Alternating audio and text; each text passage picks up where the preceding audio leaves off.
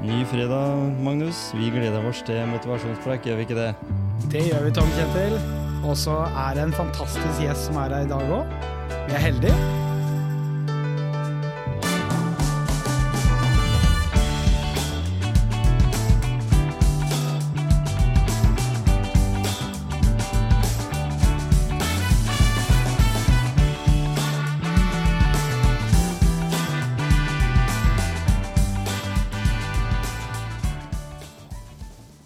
Da er vi i gang etter påske, Magnus. Det er vi, Tom Kjetil. Søren, og det var deilig å ha litt fri, vel? Å være på hytta og Helt bare lufte tærne. Ja, vi fikk jo ganske greit vær òg, da. Ja.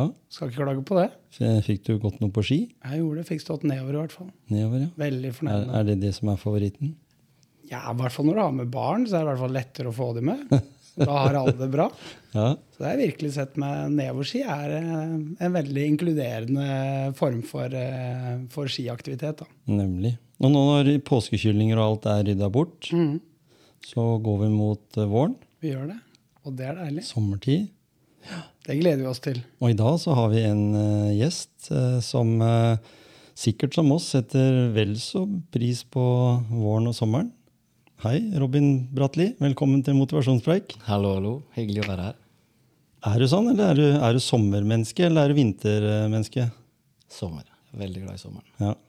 Da. Kajakk, padling, bading, Ja. sjøen. Ja. Fantastisk. Hvor er favorittstedet? Hvor er det du må hen for å ut og padle og Da må jeg kajakkere? til Krokshavn. Ja, ikke sant? Ja. ja. Jeg er medlem av Grenland havpaddeklubb. Ja. Vi har kajakker liggende der, så du er bare rett ut i Rongsfjorden og Ja. surfer på bølgene. Ja, det er det, det har jeg egentlig tenkt på alltid. Jeg kom opp i en kajakk en gang, og da husker jeg fikk litt sånn eh, Jeg, jeg tror jeg gikk opp i en litt for liten en. Og følte at det her kommer jeg aldri ut igjen. Og lå midt i et sund ute i fjorden, og så kommer de store båtene, da. Mhm. Og det gikk jo som det gjorde, det. Gikk rett rundt, og jeg husker jeg fikk helt panikk. Jeg kom meg ut, altså. du satt fast? Du tok ikke sånn. Eskimo-rull, altså? Jeg gjorde ikke det, gitt. Nei? Nei. Jeg burde jo Jeg lærte, ja. lærte meg faktisk uh, eskimorull en gang. Vi, jeg, et sted jeg jobba, så hadde de sånne voldsomme kickoffer, og da hadde vi sånn ol Olympiaden i Holmenkollen. Så da lærte vi Eskimo-rullet i uh, het det Besserudtjernet den gangen det var gamle Holmenkollen. Stemmer. Mm. Så det har jeg gjort. Men, og jeg har egentlig en liten historie om det. Fordi en eh, tidligere programleder i uh, podkastene, Motivasjonspreik, Gisle Johnsen, Ja. han har kajakk. Og han bor på Heistadtangen, eller ute på Heistad der. Ja, Så han lura meg ut i kajakk. Jeg har jo padla i sånn liten kajakk som du har gjort, liksom oppimellom. Men uh, Og vi skulle padle over. Vi padla over til Løvøya, gjennom Sandøya. Det var fantastisk fint. Det var havblikk. Og så tenkte vi at vi måtte jo hjemover igjen òg. Altså når vi hadde, var på vei hjem, så begynte det å blåse opp. Og det heter vel Eidangerfjorden, eller noe sånt, den der fjorden der. Og den var rimelig sånn skum på bølgene. Og den havkajakken, den er jo som du kjenner, ikke sant? Den er Ja. smalere enn de her eh, som jeg hadde padla med breie i ferskvann. ikke sant? Den var kjempesmal. Så jeg planla hele tida. Han bare, bare fresa rett over. Han hadde gjort det tusen ganger. Og jeg liksom For hver bølge så tenkte jeg faen, hvis jeg velter nå, hvis jeg velter nå, så er det langt å svømme inn til land. Det var jo det. Det Det så ut som det var en kilometer eller to. Og jeg liksom opp, og der kom den svære svær bølge. Mm, Padla inn i den bølga med, med spissen foran, holdt på å si. Eller hva det heter for noe på kajakk. Baugen. Vi kaller det baugen. Ja, ikke sant? Og så tenkte jeg åh, da var det bøljefritt. Og så padla jeg, så gikk det bare en to-tre meter. Så måtte jeg da kompensere opp på neste bølge igjen. Så, så når jeg snakker om det nå, så kjenner jeg fortsatt at det sitter litt inne. At jeg fikk litt sånn uh, skrekken altså fra, fra, fra, på bølger. Men det kan du sikkert si masse om, eh, Robin. Det her med å møte bølger og, og sånt. Det, Altså, I forhold til å møte bølger i kajakk, så lærer du faktisk å surfe på de med åra ned i jeg gjør det, ja. Ikke sant? Så ligger du litt halvveis bakover, mm. så har du åra til å støtte deg med. Ja. Du skal jo aldri ro eller padle inn i bølga. Du skal bare surfe på den. Så det var sånn jeg gjorde. Så, Så jeg var på vei hver gang så var jeg på vei mot Norcem. Ja. da Men- ja, ikke sant? Ja. Jeg har lyst til å vite litt om eh, Robin, ja, fordi eh, du eh, Hvor er du vokst opp hen som liten Du var jo egentlig ikke Robin. Nei. For det, og det er jo en historie som Eller ikke en historie engang, men noe du forteller gladelig, har jeg lest og hørt også. Du har fått mye tilbakemelding på et foredrag som du holder. Mm. Holder et foredrag som heter 'Transforming'. Mhm. Eh, Jeg vokste opp på Stridsklev, Porsgrunn. Eh, Og fikk eh, navnet Malin da jeg ble født. Ja. Eh, Min mor fikk beskjed av jordmødre og leger at hun skulle få en gutt. Så hun hadde bestemt seg for Kristoffer Robin eller Bjørn Jonas. Mm. Så både jordmødre og mamma var rimelig sjokkert når det ikke kom ut en Kristoffer Robin eller Bjørn Jonas. Så jeg ble, som det heter nå, da, så ble jeg tildelt jentekjønn ved fødsel. Mhm. For å være politisk korrekt. ja.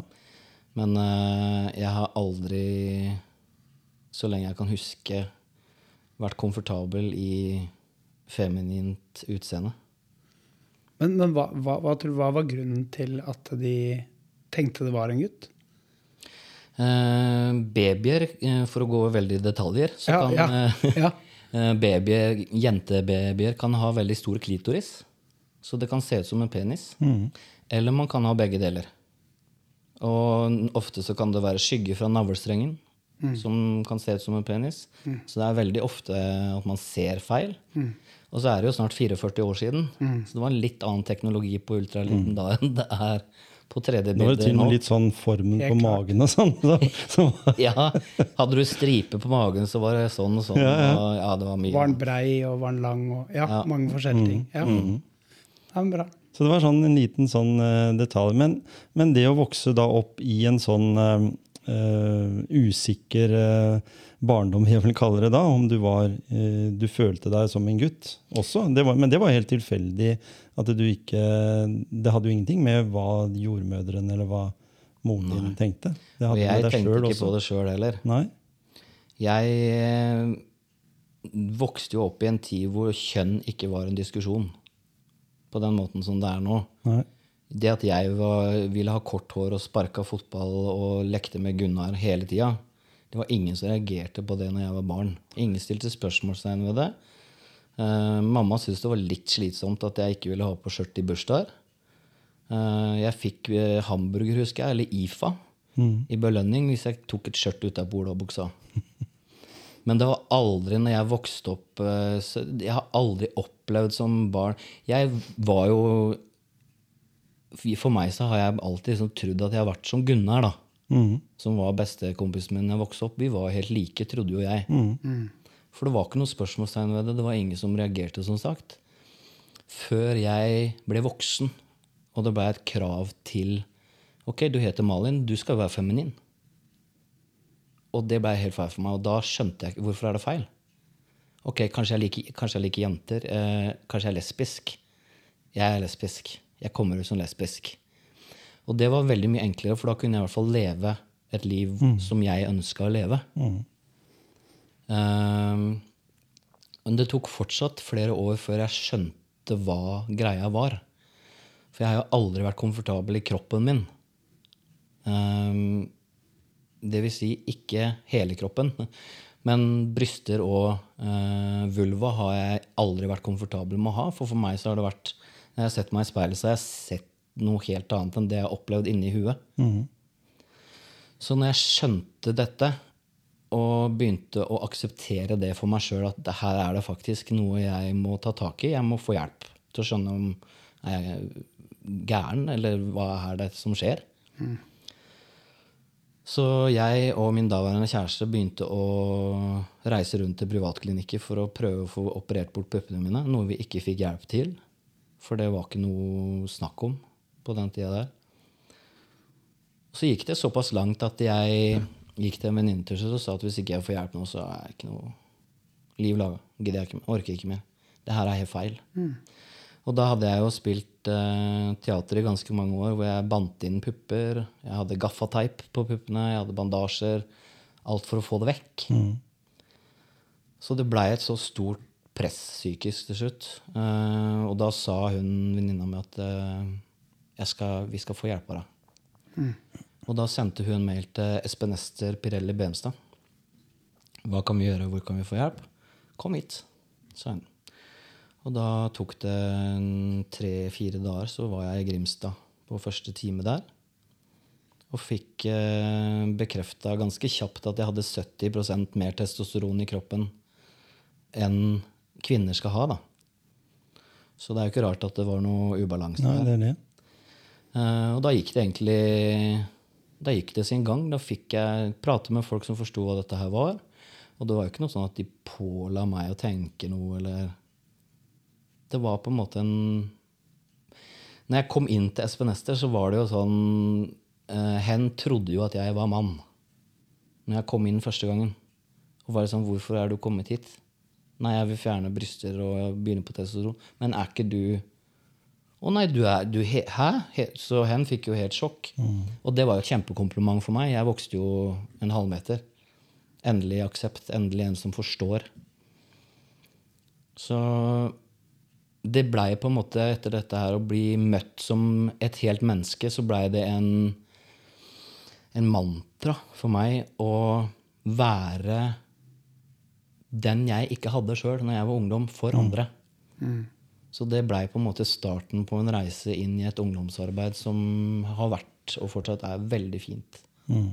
Men, men når du sier det at du da fikk hjelp uh, på, på den veien fram til da, Mm. Så da har du hatt eh, bra med venner og sånn som har støtta deg og hjulpet deg, og hvordan har det fungert i familien din og sånn?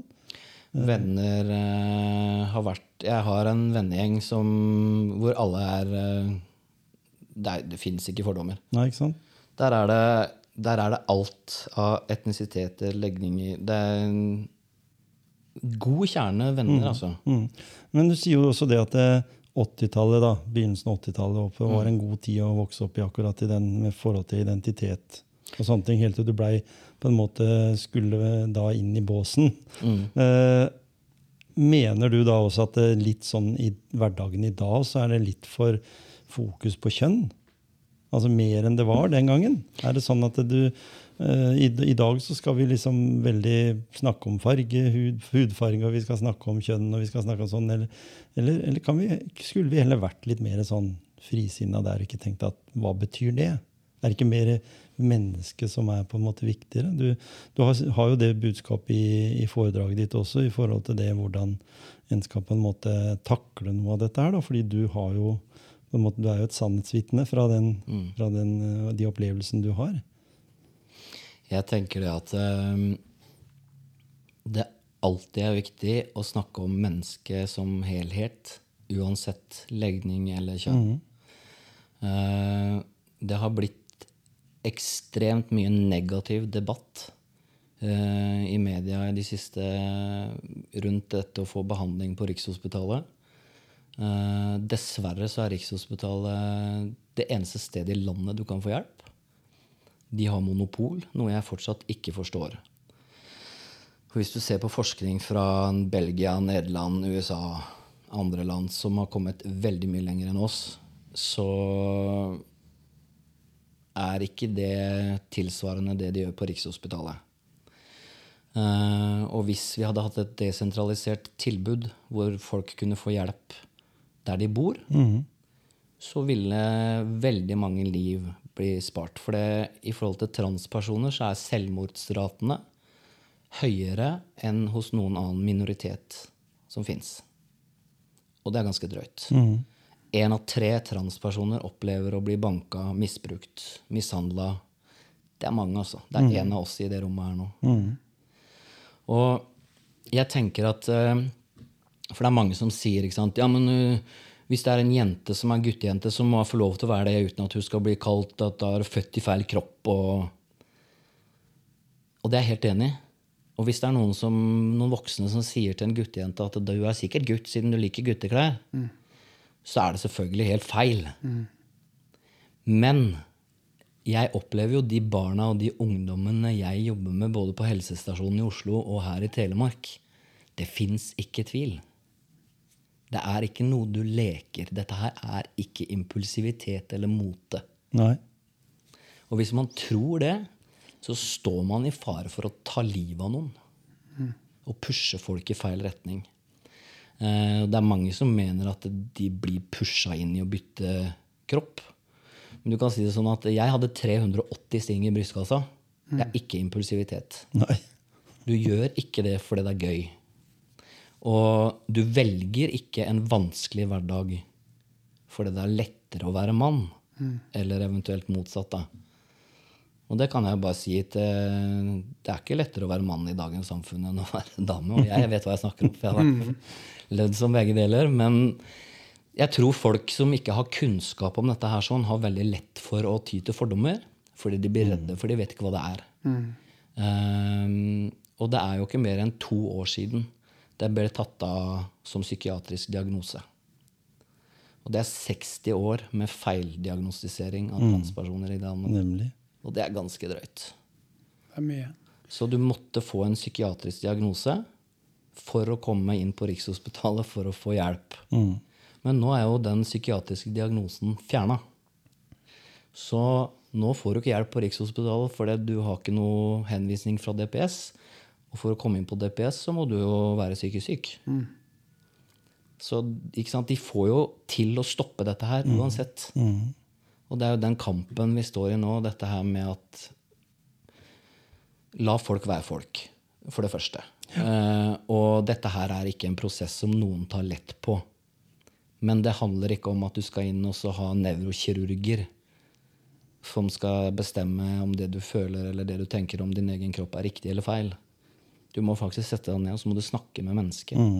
Bli kjent med det mennesket. Hvor lenge har du tenkt sånn? Er det helt sikkert? Du finner veldig fort ut av om dette her er uh, reelt eller ikke. Impulsivt eller ikke.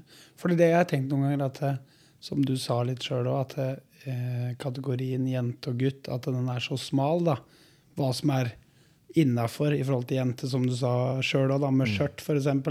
Så pønsa skal være litt jålete, ikke sant? At eh, Tror du noen ganger at samfunnet kan være litt også for smalt på de kategoriene? Ikke sånn i forhold til din situasjon, men i forhold til mange andre også. Det å være en jente, som du sa, da, kan også være en tøff jente. Og være fornøyd med det. Og en gutt kan være mer eh, feminin og være fornøyd med det, men fortsatt være gutt. Ikke sant? Det er, ja. Jeg syns jo, synes jo det er helt, for å si det rett ut, høl i huet.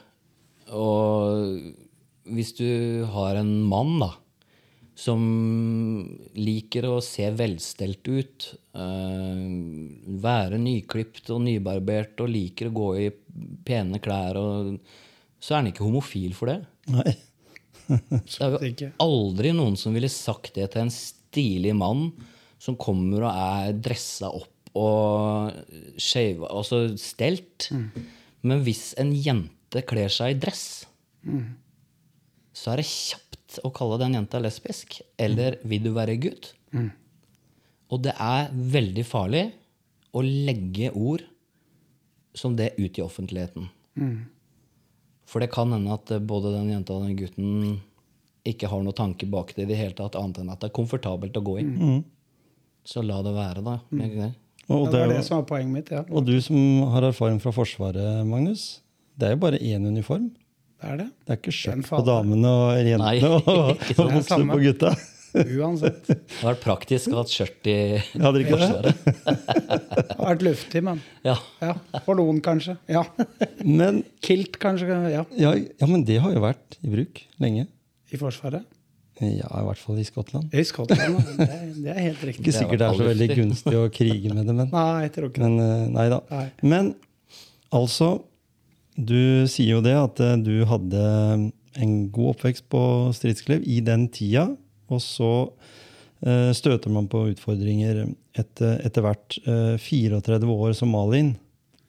Eh, og det er jo, tenker jeg da, liksom, når du sier sjøl at du var ikke komfortabel når du så deg sjøl i speilen. Det var det som påvirka deg mest.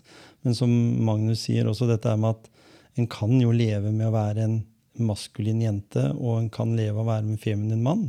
I dag så, så snakker vi om kjønn mellom her også, som på en måte blir helt naturlig. Om ti år så sitter vi bare og ler av det at vi har eh, kanskje hatt så mye fokus på det. fordi etter hvert, ja, at det, det der må jo etter hvert nå løses opp litt. og sånt, Men det er jo den der gamle, skal si, den gamle arbeiderklassekulturen som, der du ikke skulle skille deg ut. Du skulle være helt standard liksom, innafor A4.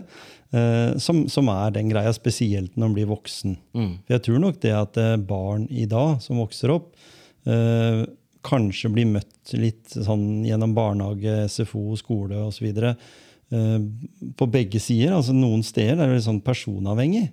Fordi noen kan jo være i en barnehage der sånne ting er veldig, at den er veldig tolerant, at den får lov å gjøre hva som helst. Og så kan den komme i en annen, eh, en annen kategori eller en annen plass. Så er det veldig, veldig Men jeg må bare si, i og med at du nevner barnehager, beklager at jeg bryter Ja, kjør på. For det, det er veldig mye i media og sånn om dagen at eh, barn i barnehagen blir påvirka. Mm. Det er ingen barn i landet som får kjønnsbekreftende behandling. Nei. Uh, uansett hva media sier og hva folk tror. Eh, for det, de som er 16, blir også kalt barn i helsevesenet. Mhm. Enda når du er 16, så er du faktisk medisinsk myndig og kan bestemme selv.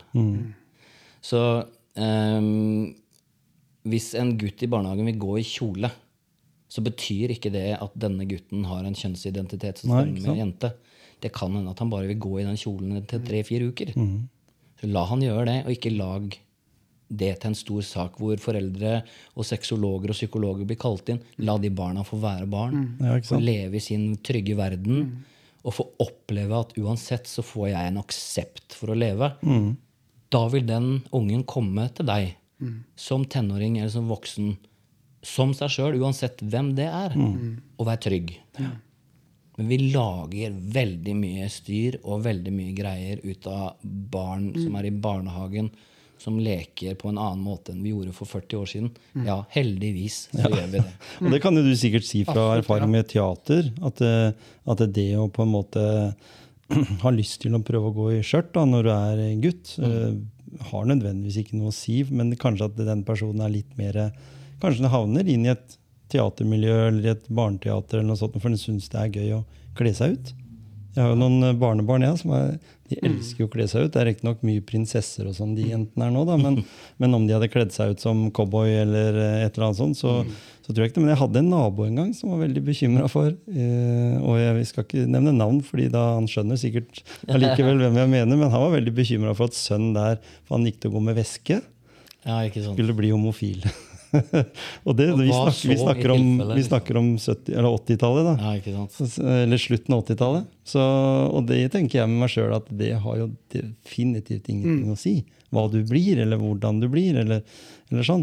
Jeg syns det er viktig å si også i forhold til det Robin sier da, med speilbildet. da, Mm. Det er mange mennesker nå i dag, uavhengig av kjønn eller identitet, som ikke setter pris på det selv. da. Sånn uansett, liksom. Mm. Ja, det det er der å, å være glad i seg selv, det er der det starter, egentlig, det med å være eh, hva skal jeg si, Å klare å leve et godt liv handler om å først bli glad i seg sjøl. Fordi hvis man ikke klarer å elske seg selv, da, så klarer man heller ikke å elske andre. Da. Og det er også viktig å ta med, for det er uavhengig av litt sånn kjønn, og det er liksom hvordan kroppen min er. da. Å være takknemlig for den kroppen du har fått. da. Og så har vi jo et samfunn nå hvor jeg velger å påstå å si at kroppsbildet er ganske sykt. Det er jo det. Um, det er Du skal være så og så godt trent. Du skal være tight og ripped og cut og bulk og Det er ikke måte på hva du skal og ikke skal. Og hvis ikke du er så og så mye på trening, og hvis ikke du gjør sånn og sånn, Så er du dårlig, liksom. så er du ikke like mye verdt. Og hvor, han, hvor mista vi på veien å interessere oss for personen eller mennesket? Hvor datt det av? Det lurer jeg på. For det, jeg har jo møtt mennesker som liksom Nei, det blei ikke noe mer dating. Han har ikke godt trent. Det er sykt. Og da, ikke sant Men var han snill, da? Jeg rakk ikke å bli godt kjent, for Nei, nei. eksempel. Og på et eller, annet, et, eller annet sted i denne utviklinga her sånn, så har både når det gjelder kjønnsdebatten og kroppsfiksering, så har vi glemt dette her med Hvem er det du vil sitte og snakke sammen med om 30 år? Vil du sitte sammen med han eller hun som har brukt 50 år av livet sitt på å spise gulrøtter, og aldri kunne være med på ferie, for da var det en annen diett og var ikke treningssenter på hotellet, så kunne ikke være med? Eller vil du sitte med den personen som Husker du den gang vi satt under brua og drakk øl og datt ut i vann og Altså, hvor blei det av denne menneskeligheten? Da? Disse morsomme historiene. Dette opplevde, levde livet som vi skal ha med oss videre. Nå er det kropp, kropp, kropp, kropp. Dietter, mat, press. Hele tida. Slankepiller, slankesprøyter, operasjoner. Jeg skjønner, altså Vel å merke, da, jeg forstår når man har et uh, problem. Det er ikke det jeg sier. Men jeg har jobba som PT i flere år. Og det har kommet jenter til meg som har like mye fett på kroppen som jeg har på underarmen min. Og gjerne vil ha en diett, for de skal ned i vekt, og de skal i fitness. Jeg blir, det blir, for meg så blir det sånn Nei, da må du ha et annet bilde. Du må ha en annen, et annet utgangspunkt. Du kan ikke trene for å bli tynn når du er altfor tynn.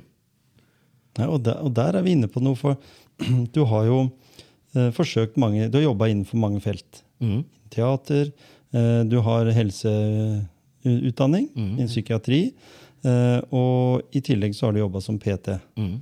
Og, og der er vi jo inne i en, en eh, verden som på en måte kanskje har gjort litt med det ideale. Hva, hvordan skal du være? Fordi det er ikke godt nok å gå på treningssenter lenger heller. Fordi kroppen må være enda bedre enn det.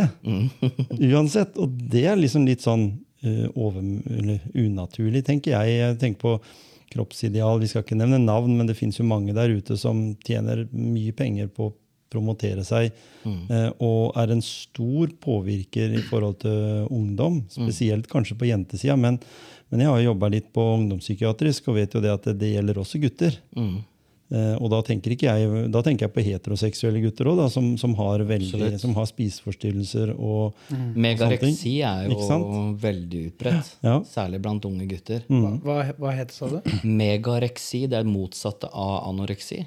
Så megareksi, som veldig mange unge gutter har, er at de, det er om å gjøre å være større og større og større. Muskuløs. Muskuløs, ja. Uh, og derav har jo også markedet for anabole steroider økt betraktelig. Det er lettere å få tak i. Uh, fordi det nå framstilles veldig mye av det syntetisk ja. dessverre. Som igjen er da livsfarlig. Men det er et resultat av at de blir bitt av en basill. Og jeg har vært, altså kjære vene, jeg har vært ekstremt opptatt av trening sjøl. Og bygge muskler og livredd for fett på magen, livredd for pudding. Å nei, nå har jeg ikke store biceps. Jeg har vært kjempenøye. Trent sju dager i uka, ofte to, dager, to ganger om dagen Wow. i perioder når vi gikk på idrettshøyskolen. Vi trente jo som gærninger. Men det blir alt livet dreier seg om. Og når det da stopper opp, hva har du da? Ikke Du må ha noe annet enn det fokuset. Og det er kjempefint med fokus på at man skal være aktiv. Ja, ja. Trening, spise riktig. Men hvis du går rundt og er sur og muggen, sulten, men du har store muskler, så kan jeg liksom ikke Jeg ser for meg at det er ikke noe jeg nå ville trakta etter. Nei. Det er, det er som du sier, da, det er den der sunne livsstilen som gjør at du er aktiv. Ja, for all del. Det klarer jo hode og kropp og masse positive bieffekter. Men når du blir hekta fordi at du skal ha den og den kroppen, da, da, da er du i ferd med å bli usunn, tenker jeg også. Også det der med fordi, fordi for mange ganger, for mange mennesker, da, så er det utrolig mye fin helse med å gå ut tur. Altså være i aktivitet. Ikke, ikke nødvendigvis trening. Er du i aktivitet, så er det bra nok i massevis. Og når, og når du sier det her med diagnoser, så tenker jeg også tror jeg var, var veldig aktiv en periode for å teste ut. Jeg hadde god tid, hadde, og den tida jeg hadde til rådighet, den brukte jeg til å trene nede på Klosterøya. Og så og jobba litt der òg, i tillegg. Men uansett da, så blir det sånn, eh, som det er med anoreksi også. Jeg kunne ikke se sjøl at jeg blei mer og mer kraftig, annet enn at jeg merka det på klærne. Og hun hjemme sa at nå må du kutte ut litt, fordi nå må du kjøpe nye skjorter. liksom, Fordi de satt for tight. Og så tenkte jeg liksom, og, Men det ser du ikke. Mm. Du ser ikke den daglige forandringa i at du blir kraftigere og kraftigere. Og da jager du mer. Og det tenker jeg med unge mennesker da, som kikker bort på kompisen din og sier 'fy fader, og han ser bra trena ut', og så ser du deg sjøl.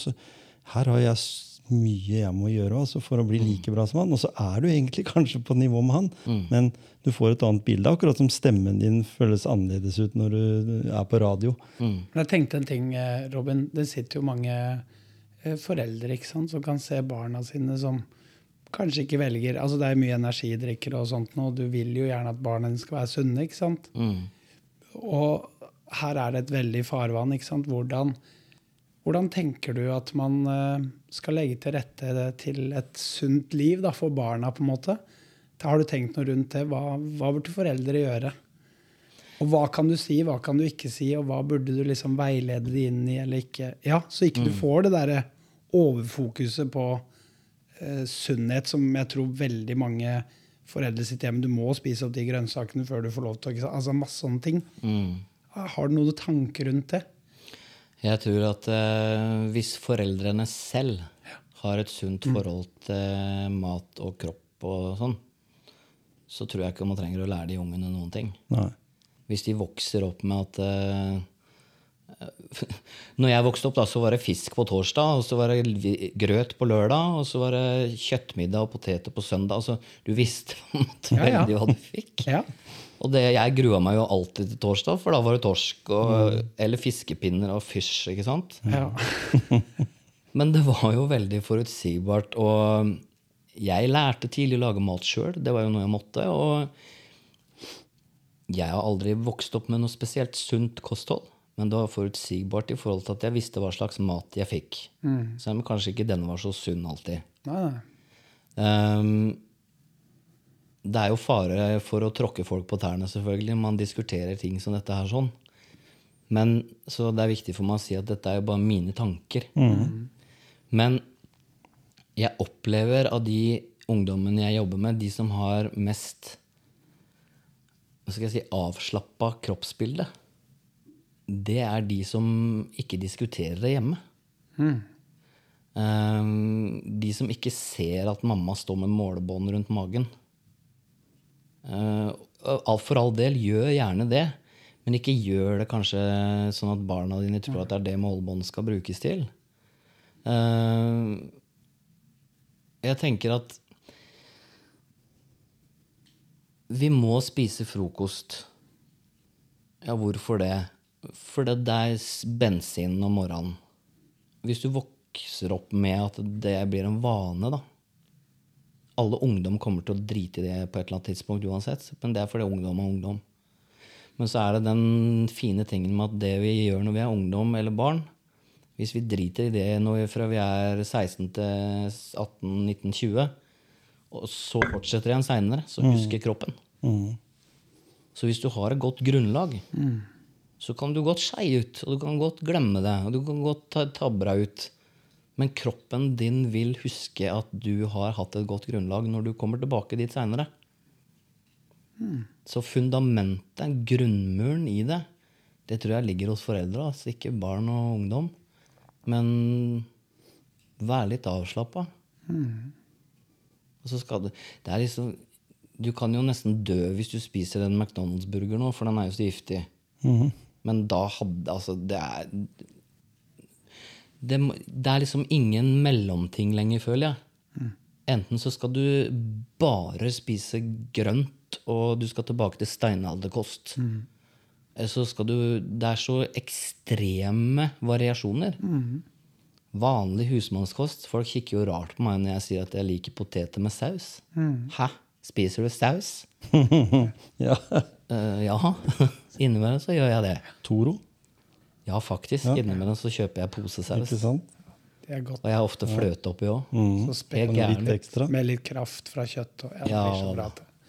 Nei, men, nei, det, det er som du sier, for, for jeg, jeg tror vi eh, de siste åra så merker man nettopp den eh, hvordan samfunnet legger opp til det sunne kostholdet, og at det skal være bra for barna. De skal ha riktig næring for å på en måte ha fokus, konsentrasjon. Eh, du ønsker jo de det beste. Men jeg også tror, som du, at vi ofte kan dra det litt for langt. Eh, og jeg tror det som er det viktigste, det er, som du sier, da, forbildet. Mm. Og bruke det på det positive. Altså det å gå foran og spise den kosten du mener er bra, da. Ja, så spis den, da. Men som du sier òg, ikke stå med målbåndet foran barna dine. Og så tenker jeg at det her handler jo om alt Oi. Om alt mulig annet også. At mm. alt, med, me- alt med måtehold. Um, jeg tenker i forhold til det med trening og ha aktive barn og sånn. Jeg var jo muskuløs når jeg var barn. Vi klatra hele tida. I fjell, i trær, tørkestativer. Vi turna, vi balanserte. Vi sto på henda, vi slo hjul, vi stupte, tok stupruller. Vi var jo godt trent hele tida. Aktivitet. Det var jo ingen som tenkte på at det var trening. Vi lekte. Men det gjør, skjer jo heller ikke nå, så det har jo skjedd en endring som gjør at vi må passe litt mer på, selvfølgelig også. For det er mye skjerm, og det er mye spilling, det er mye stillesitting, og det er mye junk og Det er lett tilgang på mat. da. Ja. Og ofte det letteste å få tak i er jo ofte det mest usunne. da. For og billig også. Uten tvil det billigste. Ja. Så, men og det gjelder jo det med Sånn som Før så var jo godteri det var på lørdagene. Sånn var det jo når jeg også var ung. på en måte. Det var lørdagen, Da var det godteri. Man hadde ikke råd til å kjøpe godteri på mandag, tirsdag, onsdag, torsdag, fredag, lørdag, søndag. Nå er på en måte Vi har vært inne i en fase nå. Det har vært tilgang. Det har ikke noe med penger å gjøre at du ikke du kjøper det, men det har med at du må ta noen grep. Og, det, og det, det er det jeg tror er forskjellen fra før til nå. da. Mm. Men, men da har jeg lyst til å spørre, fordi nå er vi jo i motivasjonspreik. Eh, og hva eh, har på en måte vært din største motivasjon i livet? Da? Det, er, et- det er jo et stort spørsmål, egentlig. fordi det kan begynne helt ifra, helt ifra vi begynte å prate sammen. Men, men hva på en måte er din største motivasjon i livet der du er i dag? Det er interessant at du spør om, for hadde du spurt meg for et halvt år siden, så hadde du fått et annet svar. Ja. Eh, min motivasjon her jeg er i dag, er å være frisk. Mm. jeg syns selvfølgelig det er behagelig at klærne passer. Jeg er ikke noe interessert i at eh, jeg skal legge på meg masse, jeg heller, eller bli usunn. Men jeg er heller ikke interessert i å være den treningsfanatikeren jeg har vært før. Eh, jeg er interessert i å bruke tida mi på å dyrke vennskap. Eh, komme meg ut i naturen. Eh, se en god film, høre en god lydbok, en god podkast. Ha det på øret når jeg går tur, f.eks. Perfekt. Sitte og glane på bølgene i Krokshavn. Nydelig. Motivasjonen min er eh, å ha det godt. Legge meg på kvelden uten å kjenne at eh, jeg ikke ligger nedpå madrassen, men at jeg ligger godt støpt i senga fordi jeg har levd en god dag. Mm. Uh, motivasjonen min er at hvis jeg har en uoverensstemmelse med noen, eller noen har med meg, vi prater om det. Jeg skal ha en god hverdag. Jeg skal legge meg på kvelden, og så skal jeg tenke det at uh, i dag har det vært en god dag. Nå kan jeg legge meg, så kan jeg sove godt. Det har endra seg. Nå er det ikke viktig for meg at det skal være mye media. Det er ikke viktig for meg å ha den tøffeste Insta-kontoen. Det er ikke viktig å være den beste skuespilleren eller den beste PT-en. Være best i noe er ikke viktig egentlig i det hele tatt. Det som er viktig for meg, er å kjenne at jeg er akseptert. Kjenne at jeg har gode folk rundt meg som er glad i meg. Og som jeg ser når jeg treffer dem, at de er glad i meg. For det er stor forskjell på det òg. Og det er en kjempemotivasjon. Det er å være Og er det derfor du har eh, rappa mottoet til Frank Beck, da? På Vet du hva, Facebook? Det er veldig interessant at du spør om. For det er, Hvis jeg kan ta den historien Ja, kjør på. Jeg visste ikke at det var han. Jeg har hørt den setningen for noen år siden. Jeg leste den i et eller annet Kom over den i hvert fall på internett. Huska ikke navn eller noen som helst. Men syns liksom det er meg det kommer an på. Faen, det var en fin setning. Så den har jeg alltid hatt med meg. Og så ble jeg kjent med en eh, foredragsholder som heter Alexander Skadeberg. Han hadde sin mentor, gammel dame, eh, som jeg ikke skal si navnet på, men hun lå på dødsleiet. Så hadde han et armbånd hvor det sto 'Det er meg det kommer an på', som han ga til hun. Tenkte jeg, faen, hvor har du fått de armbåndet hen? Sånn vil jeg ha. Den setningen er kul. Og Espen har det på treningssenteret. Og hvor den setningen? Og så sier han ja, men det er jo eh, Gyri Solberg Beck som faren hennes. Hvem er Gyri? Og så sendte jeg melding, søkte jeg hun opp. Sendte jeg melding til for alle de armbåndene ikke tak, får ikke tak i. Sendte jeg melding til hun på Facebook. Nei, på Instagram, mener jeg. Hei, heter det og det. Jeg har sett Alexander hadde et sånt armbånd. Det er du som selger det, og digger setningen. Hvor hun da forteller at det er faren hennes som sa dette her. Og som resulterer da i at vi får veldig god kontakt. Eh, hun er foredragsholder, jobber som motivator. Eh, hun har lyst til å ta lunsj. Kan vi treffes? Ja, vi melder. Eh, og ut ifra denne setningen som jeg da nå har tatovert på kroppen min, så har jeg da fått to nye vennskap med to nye foredragsholdere. Som igjen gjorde at jeg kom i kontakt med Øystein Pølsa Pettersen. Og kom med i hans Helt konge-podkast, som har igjen åpna for nye foredrag. Ja. Og igjen åpna for at jeg kanskje kommer meg inn i Atenas etter hvert. Mm. Så den historien er så interessant, for den er så fin. Og bare ut i en setning det er meg det kommer an på. Fordi hvis ikke du tror at det er deg det kommer an på, så sender du aldri den meldingen. Du tar aldri den kontakten. Og du får aldri det svaret. Og du kommer aldri dit. Helt riktig. Men hvis du tenker at det er bare jeg som kan gjøre noe med denne situasjonen her, det er faktisk bare jeg som, det er meg det kommer an på, så må du tørre å Jeg sender den meldingen selv om hun er en hotshot og kommer sikkert aldri til å svare meg. Men Det gjorde hun. Hun svarte og ble kjempeglad. kjempeglad. Ja, ja. Og vips, så har du et nytt kontaktnettverk. Og det er jo så gøy. Ut av en setning, ut av en kontakt. Fordi det er meg det kommer an på. Det er viktig det du sier der. I forhold til det motivasjonen, motivasjon, hvor mange som går med drømmer, tenker 'jeg kan ikke gjøre det'. Jeg kan ikke gjøre det. Jeg kan ikke gjøre det. Finner alle argumenter for at ikke jeg kan det. Mm. Istedenfor å finne ut 'jo, det kan jeg'. Jo, det kan jeg. Og Jo, hva er det det verste jeg. som kan skje? Ja, Du er det jo, verste? du setter jo grenser for deg sjøl, og Gyri har vi faktisk hatt i podkasten tidligere. Med, eh, det var når vi var nede på Klosterøya. Og, og, og jeg var faktisk eh, for mange år siden eh, på foredrag med Frank Beck. Kult. Husker det. Så det var der jeg fanga opp det. Det må ha vært på 90-tallet en gang. Og så vet jeg jo Espen òg har jo tatovert dette her ved å bruke det. Han har brukt to gønner på, og så har han brukt det der veldig mye. Ja.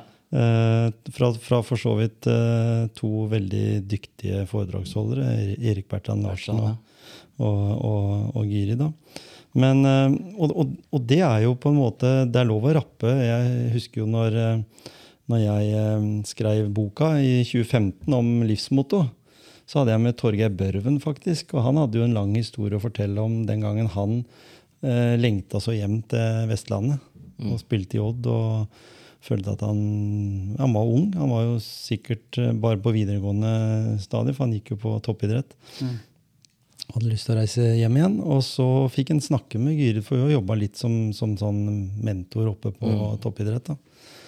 Og så fikk han snakke med han, og så sa han jo den, hele den historien der med at hun motiverte han, at det var bare han sjøl det kom an på, og, og hvordan han måtte tenke liksom litt Det har jo litt med den der å snu den mentale klokka litt. Og, og han hadde jo da, eller blei jo i, i Odd, og vi vet jo alle hvordan den karrieren ble etter det, og, og, og hvordan den har vært. Men han har nok sikkert hatt behov for å tenke det der eh, det er meg det kommer an på, innimellom. Når det har gått litt trått, og når det har gått litt sånn uh, skeivt. da. Så, så, så det er veldig interessant, fordi sånne mottoer det har veldig mye å, å si. Altså, Det, det gir deg veldig mye. Jeg hadde jo, jeg hadde jo det der til Dag Otto Lauritzen, ja, det med at det, ingenting er umulig. Det er tar bare litt lengre tid. husker Ja. jeg. Det passa meg godt akkurat i den tida jeg skrev boka, da, i 2015. Og jeg har jo endra litt på, på det siden da. Mm. Men det er jo som du sier, vi endrer litt fokus. Motivasjonen vår blir litt annerledes når vi endrer oss i, i livet. Og, for, og for deg så hadde du jo også en grunn til at du tenker litt annerledes nå. Mm. Ja, Ikke sant? jeg fikk jo hjerneslag i september i fjor. Mitt andre hjerneslag. Ti år etter det første. Um, Første gangen du fikk det, mm. hva gjorde det med deg da kontra andre gangen? Første gang jeg fikk det, så blei jeg litt som eh, vi snakka om tidligere da. og Jeg sa til legen det er ikke bare gamle folk som får det. Det er helt sant. Uh, Og så var jeg Jeg følte nesten at jeg var litt sånn ut av meg sjøl. Dette her skjer ikke.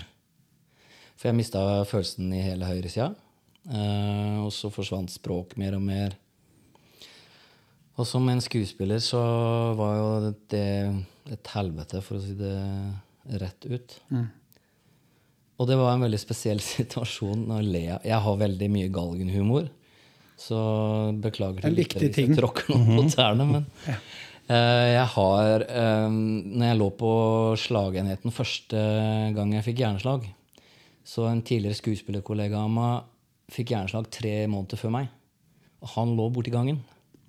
Og på det tidspunktet så var det ikke besøkstid på slagenheten på Moflata.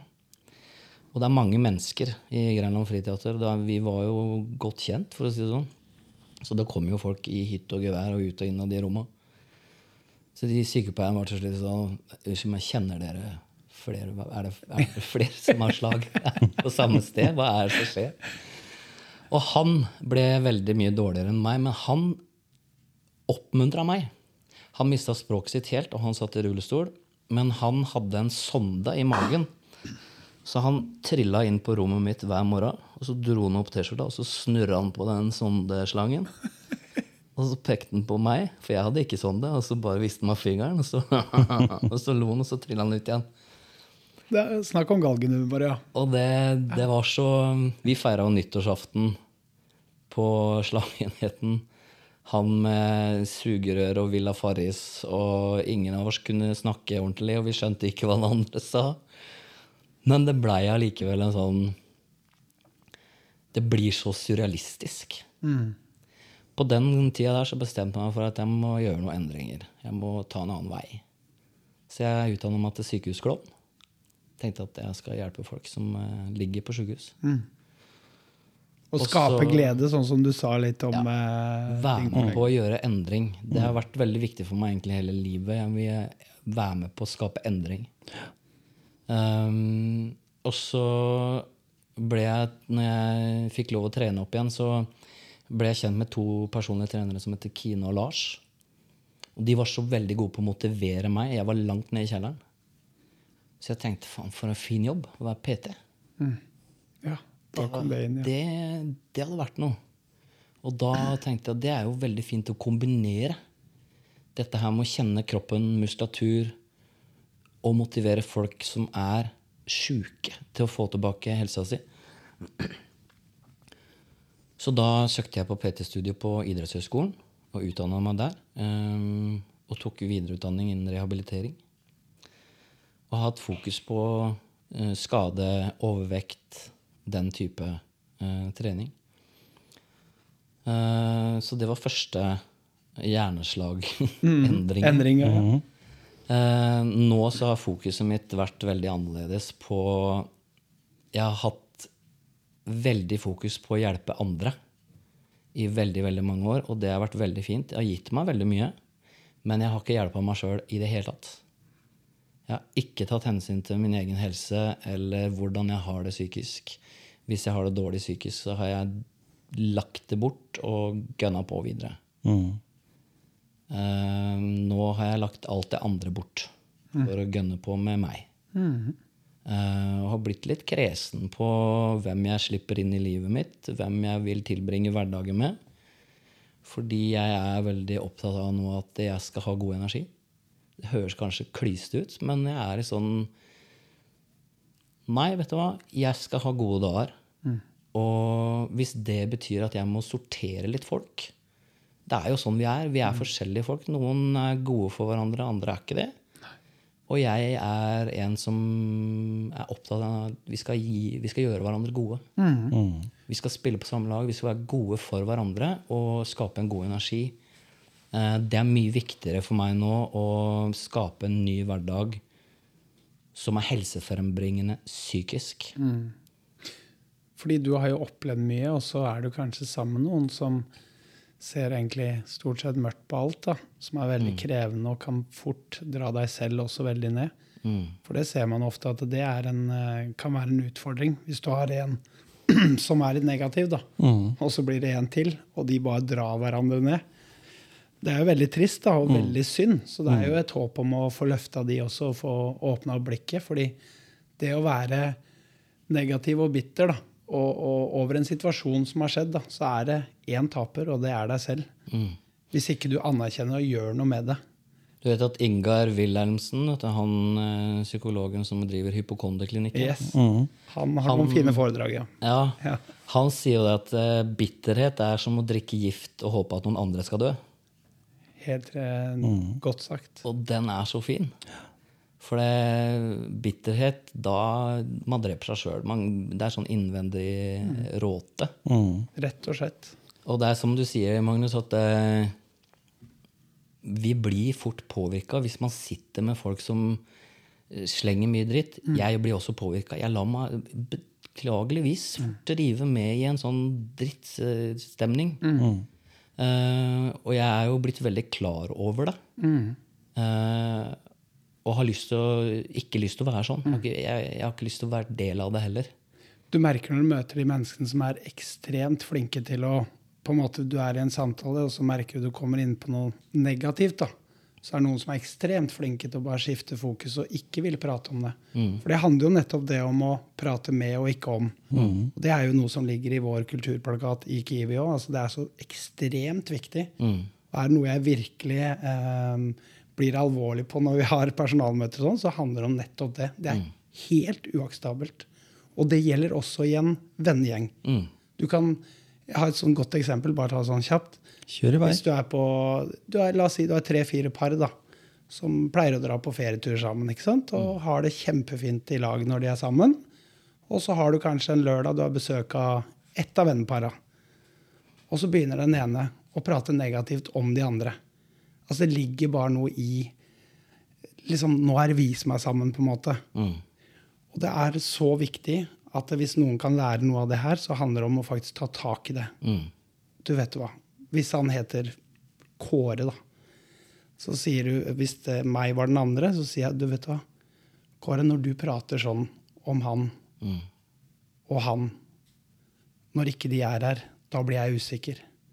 Da kjenner jeg at Hva sier du om meg når ikke jeg er der? Mm. Hva tenker Jeg tenker jo at du er en ålreit fyr. Er liksom, synes du det er, skal vi liksom slutte med det? Og da vil du i 99% så vil den andre personen kanskje kjenne litt Oi, jeg blir rettsatt. Men samtidig så vil den si ganske sikkert at nei, det vil jeg slutte med. Mm. Fordi at hvis du snakker med noen som snakker dårlig om andre, når du er i lag med dem, Mm. så snakker de garantert noe dårlig om deg når ikke du er der òg. Mm. Og det er å drepe de samtalene der. For det gagner ingen. Og så handler det om mye det der å også tørre å være upopulær. Ja. Og si fra. Og faktisk stå for det du mener og sier. Og jeg vet, fordi jeg opplever det jo sjøl, at når du treffer de rette vennene og treffer de rette folka, så kan du si fra. De vil takke deg for at du sier fra. Ok, beklager, jeg dreit meg ut. Og møter du feil folk som blir forbanna det du sier fra at det du sitter og sier nå, det er ikke hyggelig, nei vel, da har ikke noe i mitt liv å gjøre, i hvert fall. Da må du på en måte sortere. For jeg tenker det er litt grann, det, det er bare du sjøl som kan igjen. da, Det er opp til deg. Det er bare du sjøl som kan bestemme hvilke mennesker du skal omgi deg med, og hva, hvilke mennesker gir deg næring til å bli en god person. Og motivasjon, livsmotivasjonen min er jo alltid å være så mye meg sjøl og så autentisk jeg kan. Og jeg kjenner jo, apropos det du sa om usikkerhet, når jeg er med mennesker som er negative, eller kanskje klarer å dra meg inn i en sirkel med negativ prat, som jeg da selvfølgelig tillater, for jeg gjør jo det i og med at jeg blir sittende. Men det gjør meg usikker. Og da er ikke jeg autentisk. Og det er ikke noe god følelse. Det er ikke noe sånt noe sånn vi er vekk fra. Og, og det, når du snakker om det, da, så har jeg lyst til sånn helt sånn mot slutten her nå, for nå har jo tiden flydd fra oss noe enormt, men alltid hyggelig lag. Ja, ja. Eh, Robin, når du eh, er bare Robin, da, eh, og du blir kjent med nye mennesker, eh, hvordan er den eh, eller Hvor langt unna den, eh, det treffet med nye mennesker er din livshistorie da? Hvis du tenker at du lever her i nu. For jeg vil tro det at eh, Jeg ville i hvert fall tenkt med meg sjøl hvis jeg hadde fått et slag, så ville jeg endra livet mitt betraktelig i forhold til at hver dag hadde betydd noe helt ekstremt annet. Mm. Jeg jobber jo på kreftavdeling, så jeg vet jo at mennesker kommer inn dit ganske unge også, faktisk, og får, eh, får en sykdom, en diagnose eller, eller noe sånt som er veldig alvorlig. Eh, og så får du liksom en litt annen dreining i livet, hva som betyr noe. Fordi du vet at den dagen i dag er viktigere enn kanskje dagen i morgen. da. Mm. Fordi du har kanskje ikke så mange dager. Så en tenker jo litt sånn. Eh, hva tenker, hvor viktig er det å fortelle at eh, Robin har vært Malin da, når du blir kjent med nye mennesker? Når du, jeg tenker bare at du er jo mannen, gutten eller den Det har aldri vært viktig for meg å fortelle Nei, noen at jeg heter Malin. Nei? Mm, De fleste som jeg blir kjent med, de googler meg ganske kjapt. Ja. Og så blir det sånn Nei, det har vært jente. Nei, det har jeg ikke vært, faktisk. Jeg har hatt et par fysiske utfordringer på kroppen min som jeg måtte operere og justere. Mm. Men den jeg er, den er helt autentisk. Mhm. Jeg har levd å forsøke å leve et liv som noe du ikke er. Mm. Det er kanskje det verste et menneske kan oppleve. Eh, fordi du er så fanga. Um, og jeg husker første gangen en venn av meg sa Hvorfor går du bare i manneklær? Kan ikke kle deg som en jente? Og da, når jeg først da fortalte vedkommende om Robin Dette er en bekjent som jeg nå har mista som venn. Mhm. Så sa jeg fordi fordommene du viser nå med at du trekker deg vekk som venn, gjorde at jeg venta. For at jeg skulle tørre å stå fram som den jeg var, så måtte jeg være sterk nok psykisk. Jeg måtte kjenne at jeg klarer meg aleine. Hvis alle støter meg vekk, mm. så er jeg sterk nok til å tåle det. Jeg kan flytte et annet sted. Jeg klarer det. Jeg har utdanning. Jeg kan få meg jobb et annet sted. Og Det var viktig for meg å kjenne at den styrken var der. Og det handler også mye om det der med å være ekte med seg sjøl. For jeg kunne ikke lyve for meg sjøl. Jeg løy for verden, ja. Men det viktigste av alt var at jeg måtte stoppe å lyve for meg sjøl. Hvem er du egentlig er? Ja, ok. Skal du leve for alle andre rundt deg, for at de skal like deg? Eller skal du ha det godt? Det høres kanskje enkelt ut, men det der å stoppe og snu om absolutt alt i livet, alt i hverdagen, og det også blir viktigere og viktigere nå, etter det siste hjerneslaget, hvor jeg var veldig nære å ikke mm, overleve, så vil jeg ikke endre noe rundt meg. Altså, de får gjøre, folk får leve sine egne liv, men jeg må endre meg. Jeg må, det jeg ikke er fornøyd med, det er det jeg som kan gjøre noe med. Nemlig. Jeg kan ikke forlange noe fra noen andre. Jeg må gjøre det jeg trenger for at hverdagen min skal bli god. Og det er det jeg legger meg med hver kveld, som jeg sa i sted, at Jeg må tenke at har det vært en god dag, og har jeg noe uoppgjort med noen, så går jeg, må jeg rydde opp. Ja, da går jeg og sier fra til dem. Jeg ber om unnskyldning, eller jeg sier har vi noe uoppgjort, så må vi snakke sammen. Mhm. Og det er viktig for meg å få gjort de tinga der. Det å prate sammen og tørre å dele de indre tinga med noen mennesker da, som du kan stole på og føle deg trygg på, som du veit at ikke ting går videre. Og det har jeg tenkt på veldig ofte at jeg skulle ønske alle mennesker hadde en medvandrer gjennom livet som de kunne stole på 100% mm. ting er kona si, som jeg absolutt jeg stoler på. Men det å ha en annen, en venn, en kamerat eller en venninne som du vet du kan dele det innerste av livet. da. Mm. Fordi det er en ventil, da. For det er så mange mennesker som går med en indre udefinert skam eller mislykkahet eller et eller annet som tærer på de menneskene. Og jeg tenker egentlig så lite som skal til for å få låst opp den, så får de et helt annet liv. Mm. Og da tenker jeg også at uh, Robin, du har fått sagt mye om din motivasjon. Mm. Uh, Magnus, veldig bra sagt her på slutten. Tusen takk, Robin, for at du tok turen innom Motivasjonspreik. Takk for at jeg fikk komme. Det var veldig fint. Ha en fin fredag, da, får vi si. Det må vi òg. Ja. Ja. Lag en fin fredag, som Lag en fin fredag. Pølsa sier. lag en fin dag. Ja.